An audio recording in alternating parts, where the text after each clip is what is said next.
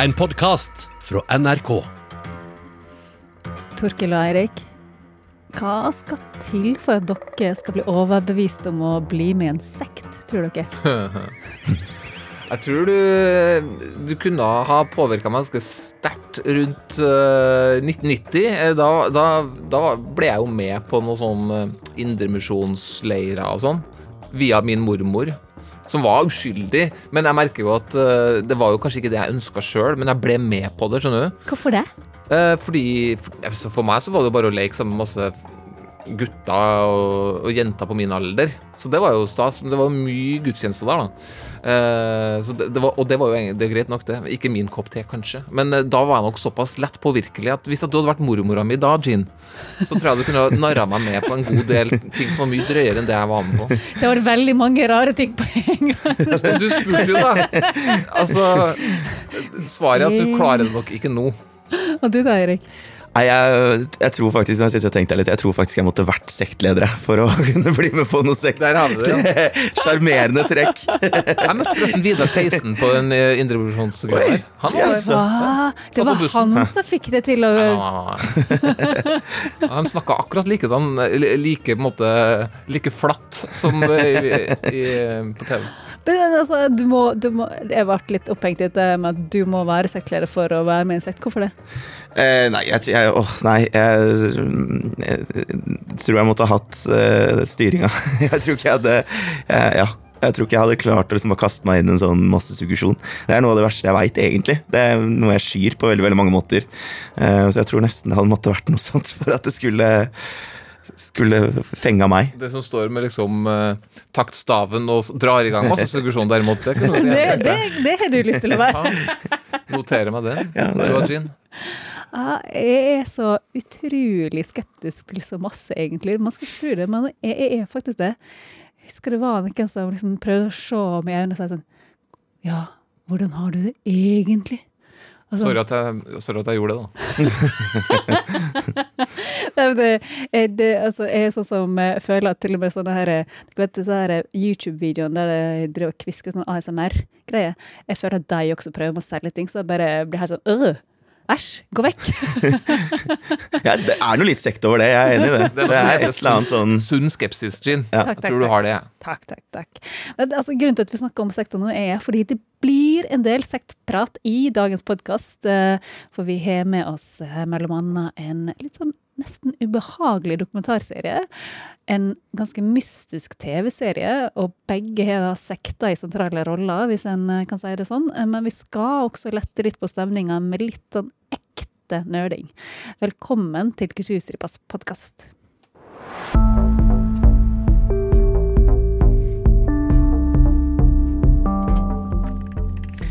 Ja, Vi i Kulturstripa vi jobber jo til daglig med et radioprogram som går hver hverdag på NRK P2 fra to til tre. Der både anbefaler vi ting, eh, har reportasjer og ikke minst gjester som vi intervjuer. Denne veka så har vi f.eks. hatt besøk av både forfatterne Zeshan Shakar og eh, Vigdis Hjort. Skuespiller Amel Basic og Emilie Nicolas har spilt live for oss. Og her i podkasten så samler vi noen av våre beste anbefalinger fra veka som har gått, og vi som skal gi disse her i dag, er det Torkel Risan, skulle jeg si det sjøl? Ja, Ja. det var, det var, var ikke fint å si sitt navn. Du, du tok meg på senga, og det gikk bra.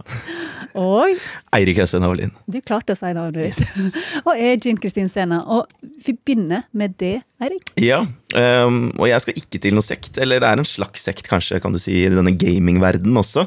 Men jeg må kanskje bare starte med å spørre dere, hva er deres forhold til gaming? Altså, jeg var mer opptatt av å spille ting på datamaskinen, på den selveste datamaskinen da vi faktisk hadde datamaskin hjemme. Altså da man hadde sånne Stasjonær, stasjonære. liksom? Ja, ja. Eh, Men det har jeg jo ikke hatt på ja, 20 år. Det er så det- langt tilbake i tid, da. Mm. Ja, altså da har det på en måte gått mer over til at jeg liker å holde på litt på mobilen hvis jeg må bare få tid til å gå litt sånn på flyplasser og sånt. Ikke sant? Mm. Um, jeg har et veldig spesielt, vil jeg si, eh, forhold til spilling sjøl. Okay. Jeg, har- jeg spiller kun ett spill, og jeg har spilt det siden 2001, og det er Fifa. jeg skulle til å si det. Jeg skulle til å gjette. Og det er Ja. ikke så rart i seg sjøl, Nei. men det rare er at jeg kun spiller det sammen med min gode venn Ken. Oi! Ja. Eh, og vi, eh, vi har en sånn det, det er helt utrolig hvordan vi, vi har gjort det, det her flere ganger i uka i da, siden jeg møtte Ken i 2003. Eh, eh, og det begynner å bli 17 år, da. Hvor vi liksom Flere ganger i uka? Ja, to, tre, ja ofte to eh, ganger i uka. Et, eh, Dere har hatt et uh, gamingdate, kveld. Ja, da er det liksom sånn Da har Vi det ofte hjemme hos han, da, siden eh, jeg har tre barn hjemme som drar og springer. eh, Og han har satt opp da en turnering, og så er liksom sånn Alt er klart, og liksom vi kommer til rett tidspunkt, spiller, gjør vår greie. Og hvis vi ryker ut av turneringa, så drar jeg bare hjem. Og sånn har vi holdt på da i da så mange år. Hvor lenge spiller dere om gangen da? da? Det kan jo være hvis vi går langt, hvis vi kommer til finalen, da, så kan vi jo holde på kanskje fire timer. eh, Men sånn som i går, hvor vi bare slo hverandre ut med en gang, så er det liksom halvannen time bare, så, så er jeg hjemme tidlig kveld. Det er moroa over. Det er veldig rart, men eh, ja, det er veldig moro mens det pågår. Hva skjer da hvis en eller annen annen, helt annen person kommer bort til deg og sier sånn Du Torkel, du har ikke lyst til å bli med hjem til meg og spille litt Fifa?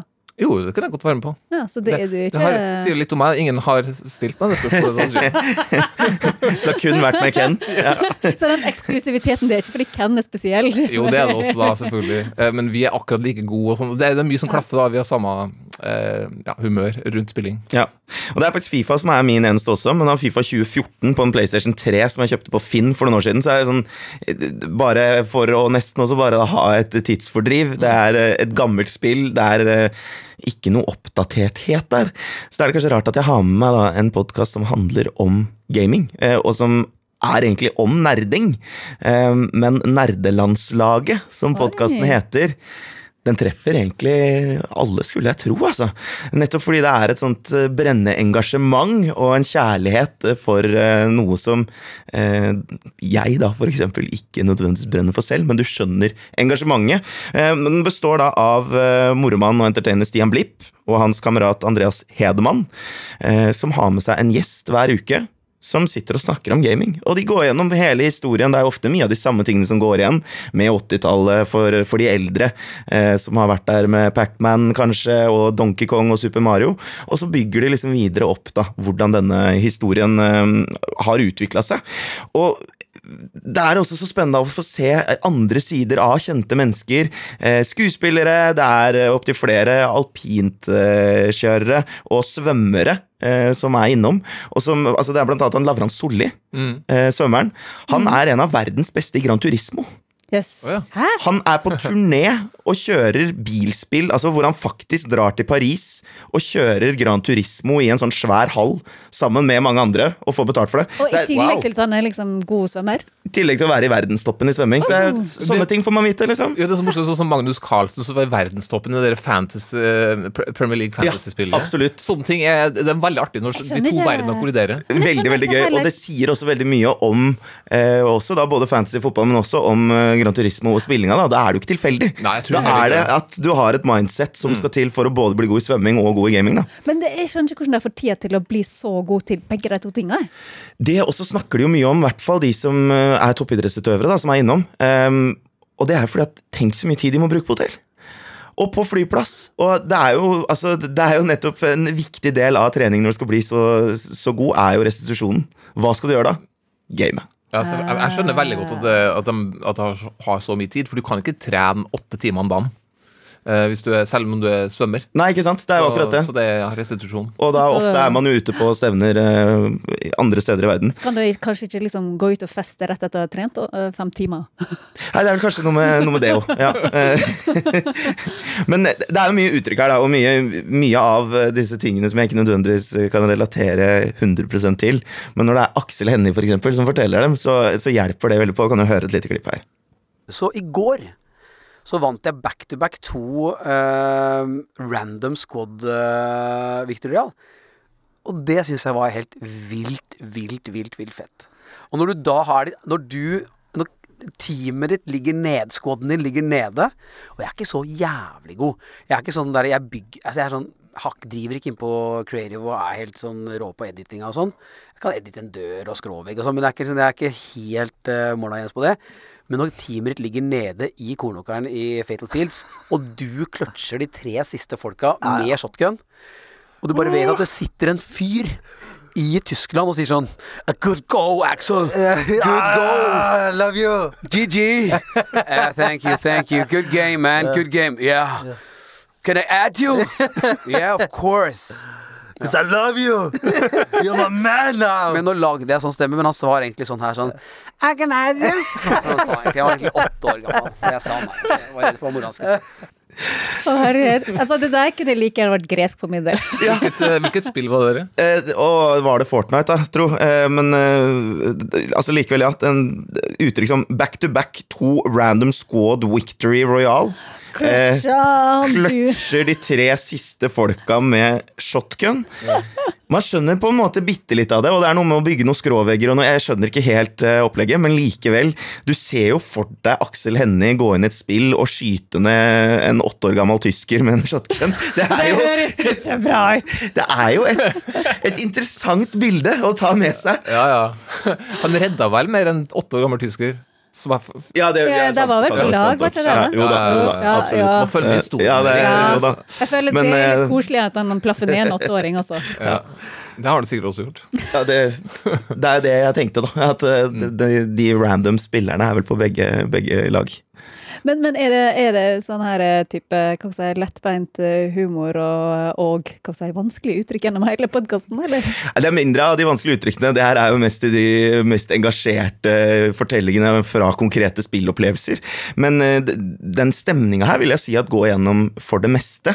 Det er ganske lettbeint og en fin sånn eh, tilnærming som ikke skal være for tung. Eh, Det er mye referanser som går over hodet mitt eh, og sånn, men det gjør ikke så mye, fordi nettopp det engasjementet eh, ligger så tydelig til bunns.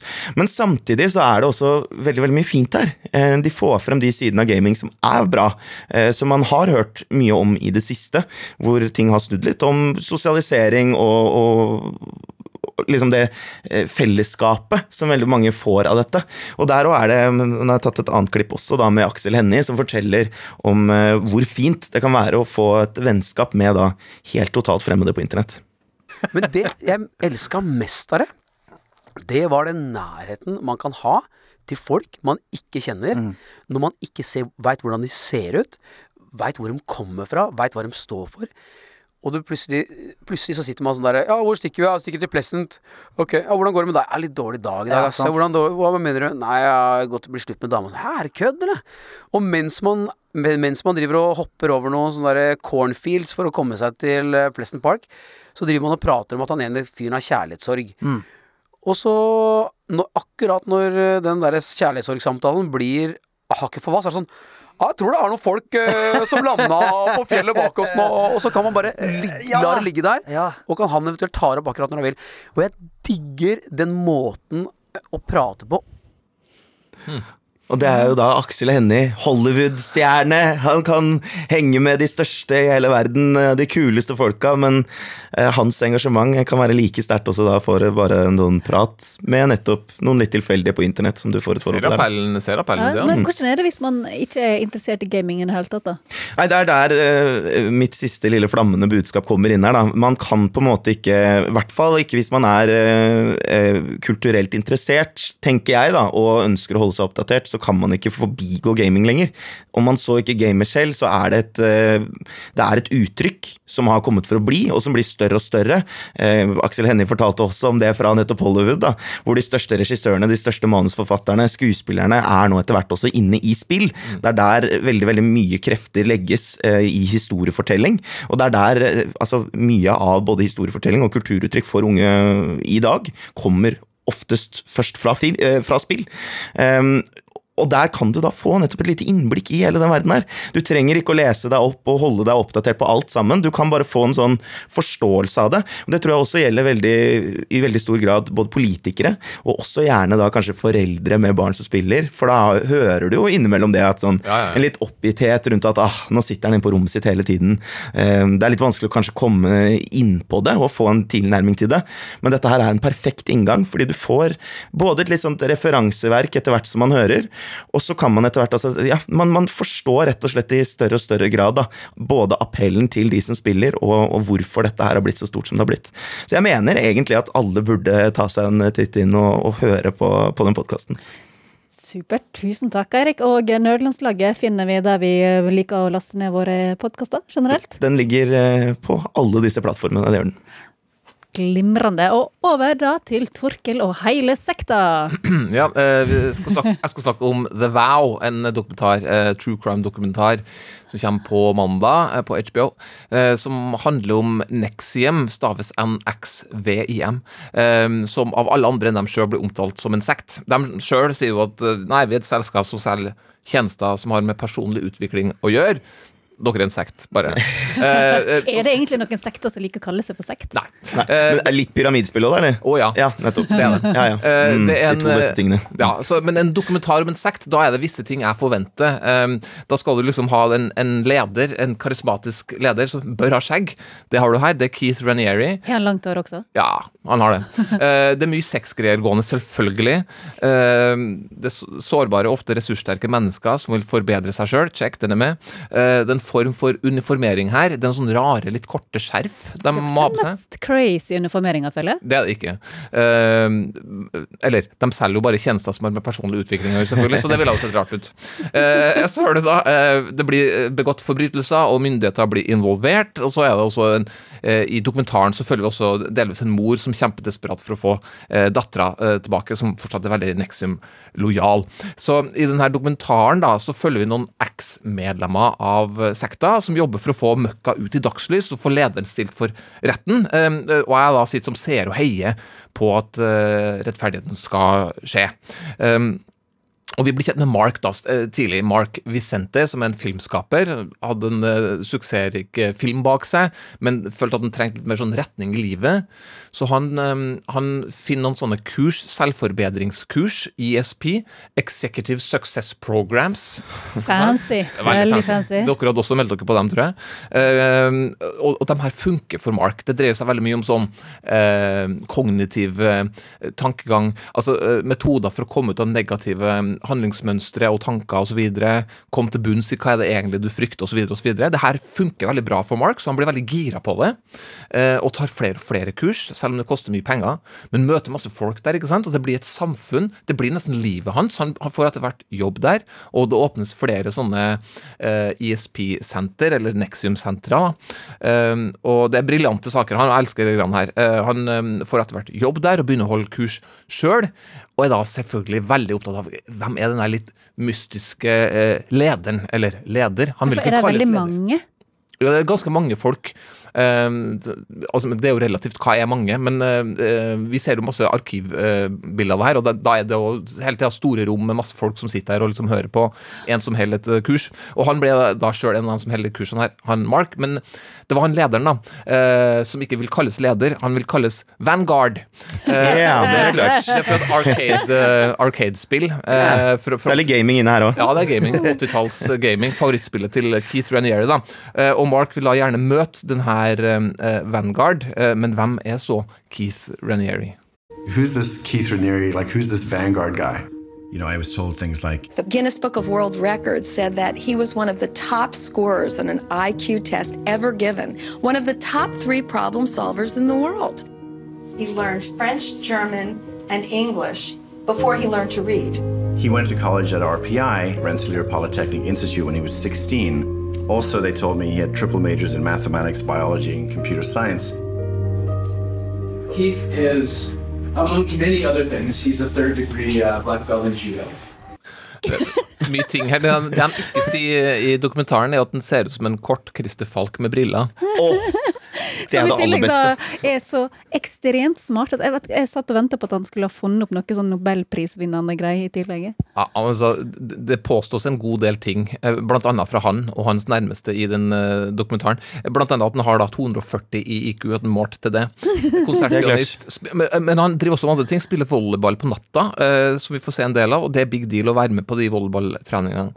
For i pausen så holder Keith Hoff og legger da ut om vitenskapen sin.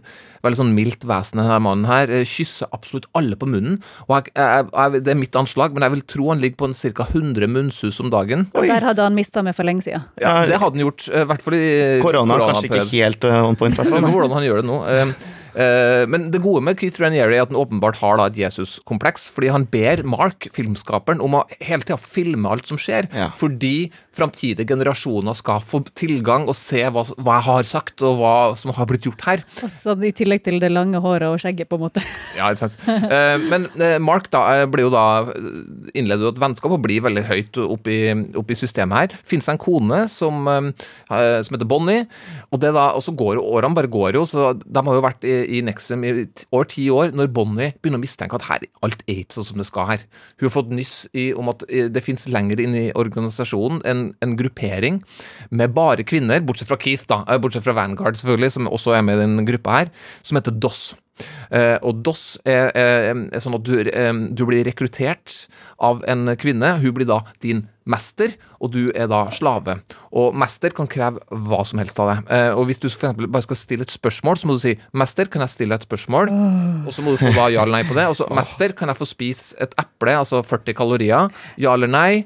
Eh, Veldig vanskelig liksom å stille det første kan Ja. Spørsmålet, fordi da har du ingen mulighet til å spørre jo, du, om du kan, vil spørre. du kan stille spørsmålet 'Kan jeg stille spørsmål?' uten å stille spørsmål. Ja. Men noe mer enn det, det er ikke greit. Eh, så må du, alle kvinnene må også gå gjennom et uh, horribelt initieringsritual.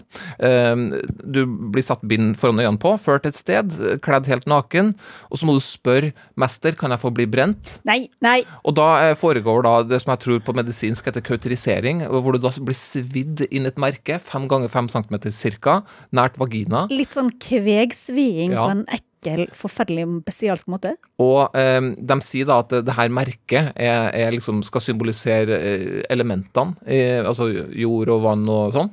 Eh, men det er veldig grøssen eh, når du ser at eh, en av dem ser merket fra sida, og det er helt åpenbart initialene til Keith.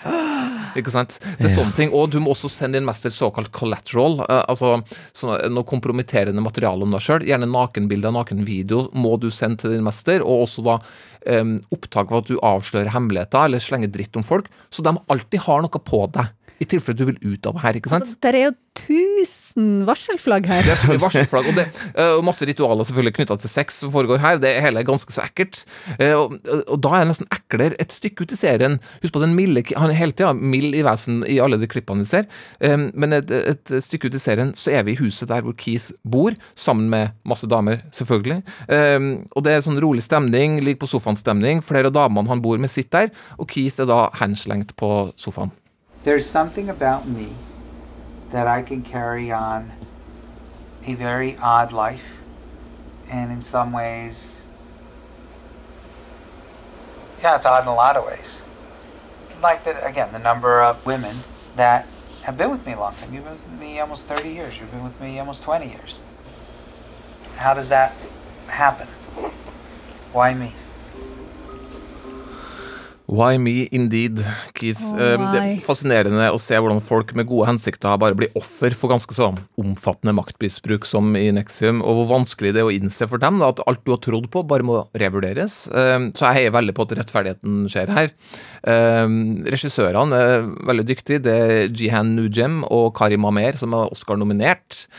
Så- Og så, så har du da tilgang på veldig mye bra arkivstoff fra Mark sjøl, som har filma etter ønske fra, fra Keith Ranier sjøl. Så det her er det Ikke google for mye, for det foregår ting, ikke sant? Mm. Vi, er jo, vi følger jo på en måte prosessen mot at ting skal avsløres og ut i media, men hva som skjer etter det og sånn, det, det hadde ikke jeg vel ha googla før jeg hadde sett serien, hvis jeg var dere. Så er det heller ikke lov å spørre hvordan går det med Mark? Eh, det går bra med Mark. Det spørsmålet er greit. Så jeg har tenkt meg litt om det her, men ja. Eh, eh, Hvor langt er dette her? Det, eh, ni, det, det skal bli ni episoder, Ja. og de legger ut én og én. Så her kan du, okay. kan du sette av en, en, en liten time i uka eh, på The Vow. Og ni timer til sammen? Mm. Shit. Ja, det er det Det kunne ha vært redigert ned, eh, okay. vil jeg ja, si. Men, eh, ja, eh, men jeg, sitter, jeg sitter veldig sånn oppslukt i det. Veldig, veldig spennende. The Vow kommer på HBO på mandag, altså. Mm. Takk, Torkil. Altså, vi skal holde oss litt til i sektmiljøet, som jeg lovte i starten, siden det er så trevelig. Men eh, jeg tenkte bare skulle sette stemninga litt her. Altså, se for dere ei eh, ung jente med langt, lyst hår, hvit, tettsittende T-skjorte, kort, mørk shorts, hvite knestrømper med svarte striper og hvite sko. Det vil si, du ser henne egentlig ikke ordentlig, for hendene hennes er bundet foran kroppen hennes. Og det lange håret hennes flagrer rundt ansiktet på en litt sånn mystisk måte. For i sakte film så ser du at hun er på vei nedover i fritt fall. Så du ser egentlig bare den svære himmelen i bakgrunnen. Altså du aner at det er kjempehøyt, før hun plutselig treffer vann, synker mot bunnen mens hun prøver å kjempe seg løs, men til ingen nytte. Hmm. Hva i alle dager? Det her er altså åpninga på den svenske TV-serien Partisan. En oh. miniserie på fem episoder som går på Viaplay, og som jeg nå har kost meg med to første episodene av. Det hørtes ut som et eh, nytt initieringsritual for The Vow, men ok. Eller noe sånn heksebrenningaktig fra Ja, Ja, det, om ikke brenning, så i hvert fall, ja. det er ikke akkurat eh, kan ikke si, den mest oppløftende start, men det, det setter en sånn her spenningsskap. Du skjønner at noe, her, noe forferdelig kommer til å skje, men du veit ikke helt. Og jeg kan si, det går ikke megafort fram i handlinga. Den er egentlig ganske sparsommelig med den informasjonen den gir det. Eh, Noe som jeg merka egentlig satte veldig stor pris på, fordi det føles litt mindre forutsigbart, da, hvis man kan si det sånn. Men eh, Jonny, spilt av Fares Fares, drar ut for å hente to foreldreløse jenter som han aldri møtt før, Nicole og Maria. De har vært i fosterheim etter fosterheim, og alle tre skal til gården Jordnæra, en økologisk gård drevet av karismatiske Kent, karismatisk leder, mm. og kona Susanne.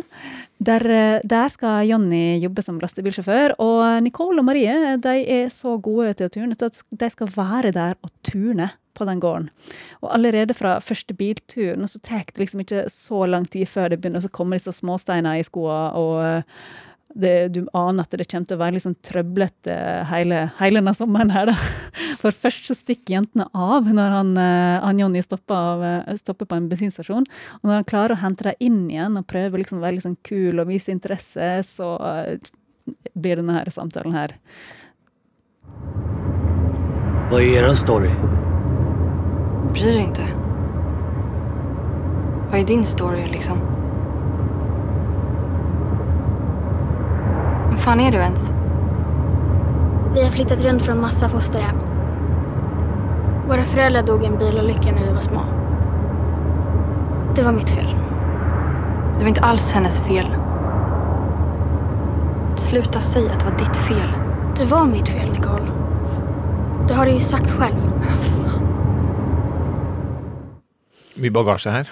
Masse bagasje. Og øh, dette her er jo før de i det hele tatt kom til den der gården. Så, øh, og det, når det kommer fram dit, men så øh, skjønner du at ting er ikke helt så glansbildeaktig som øh, de prøver å framstille. Altså, det er masse falske smil, masse skuling og spionering. Og huset til disse her gårdseierne, Kent og Susann, det er et sånn fancy arkitekttegna hus med en evighetsbasseng. Så det ser veldig dyrt ut med tanke på at de driver med økologisk eh, grønnsaksdyrking.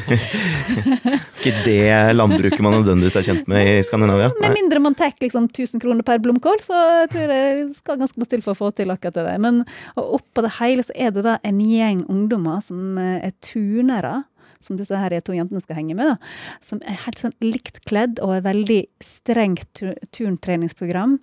Har så stram og pompøs koreografi at jeg tror kanskje noen nordkoreanske ledere har blitt veldig begeistra for turnshowet deres. Satan. Øh, men hva, hva er det du liksom får ut av det, eller hva er det du merker at du liker med det? Altså, som sagt så syns jeg det her med at det er veldig sparsommelig med informasjonen, er veldig, veldig spennende, for det gjør det mindre forutsigbart. Og så er det helt nydelig fotografert. Det er så fint fotografert. Og så er det veldig fine musikk, veldig fin musikkbruk i den, og ikke minst så har de et veldig stjernelag av svenske skuespillere, som Fares Fares, som nevnte i stad. Eh, altså, han er jo mest kjent fra både Jalla Jalla og Kops, men har nå også vært i svære internasjonale ting som Tsjernobyl, Westworld og Star Wars-filmen Rogue One. Han har en veldig fin ro og mystikk i rollen som Johnny. Og så syns jeg det er veldig gøy å se Johan Reborg fra Solsidan og Torsk på Tallinn i en veldig masse mindre komisk rolle som eh, han eh, som jeg velger å kalle for sektlederen Kent. Eh, og han håndterer det overraskende bra for å være en ukomisk rolle. Og så er det veldig mange andre kjente fjes fra både Broen og Quicksand, men de to søstrene, altså, altså, som blir spilt av Sofia Karmyr og Ylvali Rurling, de er helt nydelige og klarer å få fram både det at eh, jentene er tøffe, usikre, sårbare, trygghetssøkende og utforskende samtidig. Alt veldig sånn nyanserte karakterer, rett og slett. Og så I tillegg så er det veldig mange artige nikk. altså Sånn som hun jenta som feller i det frie fallet i starten. Det er regner med at det er et veldig stort nikk til videokunstneren Bill Viola, som eh, lagde sånne type Eller et av hans mest kjente verk er, ligner veldig på det der. Og i tillegg så hører du veldig tidlig og utover i hele serien eh, Leonard Cohen sin The Partisan. Som er samme tittel som serien, for så vidt. Mm. Lengre og kortere snutter. Det her er jo uvanlig mye skryt til Davær. eh, Du har jo ofte noe gruff, sånn som jeg har. Ja, artig å si det. Altså, som, eh, som en del andre sånne her ting som handler om eh, sekt eh, og eh, kan ikke si, i fiksjon, så kan jo det være at de det er noen klisjeer de kanskje går litt hardt ut på. Altså sånn som alle disse her unge turnerne er selvfølgelig veldig lyse og blonde. Alle er kjempeskeptiske til Jonny fordi han har en annen hudfarge. Eh, og det blir gjort et veldig stort poeng av at han ikke syns, eller ingen syns han ser ut som en Jonny. Det gjentas opptil flere ganger bare i løpet av første episode. Og så ikke minst, der er ingen mobildekning idet de kommer inn på området til den gigantiske gården. Eh, Et par klisjeer. Det må vi nesten ha. Eh, jeg får litt sånn, Husker du den, eller husker du som anbefalte meg den Hestgården? Ja, Den dokumentaren. Jeg får litt sånn Hestgården-vibba over det som foregår her. Ja, det er litt, det er litt hestegården, fordi det er dette lukka miljøet der det er veldig masse ungdommer, og du veit at det foregår noe bøff, Ja. men du veit ikke helt hva. Mm. Og Men, jeg, ja, nei, altså Samtidig er det nesten mer klisjeer i, i dokumentaren, da, så det skal man jo også si. Sånn, Det er veldig sant. det, virkeligheten overgår jo ofte det, i, men man, man kjenner jo kanskje ekstra på det når det er noen som har skrevet det. Ja, og jeg håper jo virkelig at jeg ikke går på en sånn klisjésmell, sånn som i filmen uh, 'Midtsommer'. Har du ikke sett den? Altså der, Den er jo litt sånn sektgreie, og der blir det dratt så langt at det egentlig ble mer komisk enn skummelt. Så, så nå etter de to eh, første episodene så ser det veldig lovende ut, og håper jeg klarer å nøste alle trådene, men, eh, men det kan fort også gå på en smell. Jeg blir med videre, Jean. Ja, Da er det bare å slå på Viaplay. Der kommer nye episoder hver søndag. Og det er da altså Partisan.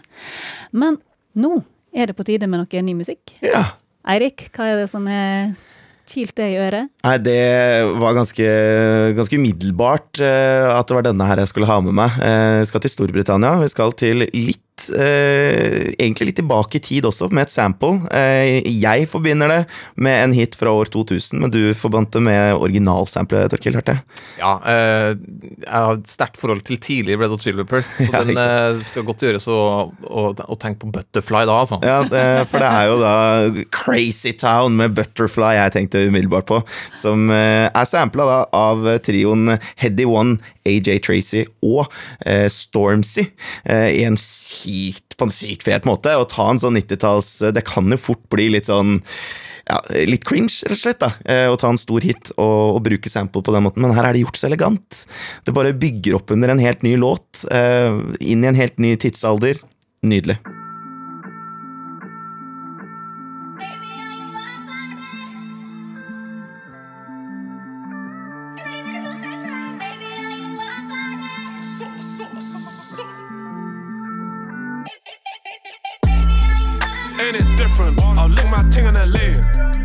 I fly to the States, cause I got too much convictions. Apparently, all I talk is prison, but I don't know no different. Cause I was in jail up north, went under the coalition. Fresh home, I bought coke and whipped out, put some roses where my wrist is. You ain't never made their birthday cake from digestive biscuits. But I had to take lemon juice to a piss test. Every day I look up to the Lord, give thanks for all this litness. Come on, fresh out the system, gymless. Running with smoke on my Jones. Pigs wood with a camera on me, not the one from Dipset. I still can't mix pleasure with business, sorry, princess. I come a long way from broke days, I got to work and fixed it. Ja, det, det var ditt, eh, ditt bidrag, Eirik. Ja, den den her kommer til å bli spilt så mye i løpet av helga, det kan jeg allerede merke. Ain't It Different er altså med Heady One, AJ Tracy og Stormzy. Og du, Torkil? Du, eh, jeg trodde eh, nesten det var bare kødd da jeg, da jeg, da jeg likte den nye singelen til The Killer som kom i vår, Caution. Mm. Den var så frisk. Det var som å, liksom, å ri på en bølge av medgang. Oi. Eh, liksom som gode gamle Killers. Så, liksom, sånn, ja, ja, ok, det var artig at de liksom Så kom skiva i dag, og bare ja. Jeg liker hele greia. Eh, Nå er jeg plutselig tilbake igjen og, og digger gutta fra Las Vegas. Eh, Skiva heter Imploding the Mirage. Eh, og jeg tok med en ny låt av The Killers. Det er, det er greit, det, eller? Det er lov, det. Jeg er spent. Running Towards a Place.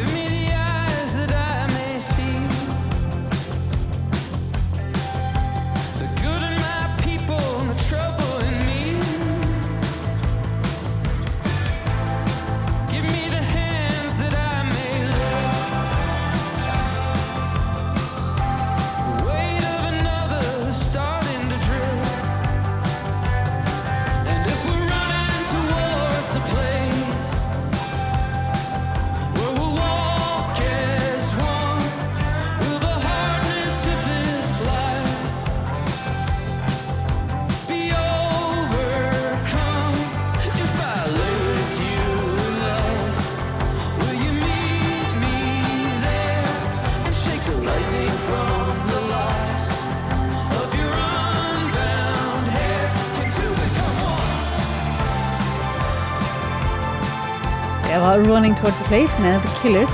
Tusen takk, Torkil. Jeg derimot ble så sjukt glad da jeg så at Father John Misty endelig hadde kommet med ny musikk. Det ble jeg så glad for. Mm. Hvis vi ser vekk fra et livealbum og en EP der han covra annet Leonard Cohen sin Anthem og tre låter til, så har jo ikke Father John Misty vært ute med noe ny musikk siden albumet God's Favorite Customer for to år siden. Mm. Og det var jo Så de to låtene han slapp eh, i, i, på mandag, de er jo på en måte i litt like og i slekt, og det heter bare de mystiske titlene 2S, punktum, og den andre 2R, punktum, uten at vi vet hvem S eller R er. Eller vet du det, Torkil? Har ikke peiling. Og jeg tenkte vi kan høre den nydelige 2S. Flying on past in your voodoo mask, high on your own supply. And the way that you hold my hand to the bone, honestly ain't half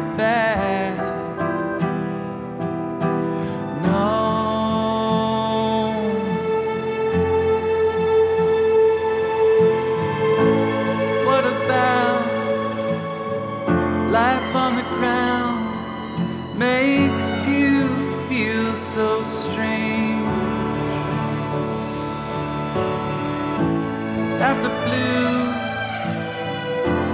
tethered to, I'm sure you'd float away. Det var Father John Misty med 2S. Det var egentlig det vi hadde å anbefale i denne ukas eh, Kulturstripa-podkast. Skulle vi ha mint folk på dette med å tipse oss og sånt? Og da kan man jo sende en god gammeldags mail eh, til oss på kulturstripa Oh. Jeg husker da mail var moderne. Ja, jeg skulle ønske folk kunne sende oss et eh, godt gammeldags brev til Bjørnstjerne Bjørnsons plass 1. Ja, gjør det, da. Ja, det hadde vært veldig gøy. Og da er jo det Altså, det trenger jo ikke være verken TV-seere, musikk eller podkaster. Det kan også være bøker, filmer, forestillinger og uh, Spill. Spill! Spill, ikke Ja, minst. Eller, eller bare er generelle tilbakemeldinger. Ja, ja, ja. Det er også veldig veldig gøy hvis noen har eh, sett en film vi har anbefalt, eller er uenig for den saks skyld. Det er også moro. Mm. Og husk at du også finner de vanlige radiosendingene våre på appen NRK Radio. Du har hørt en podkast fra NRK. Hør flere podkaster og din favorittkanal i appen NRK Radio.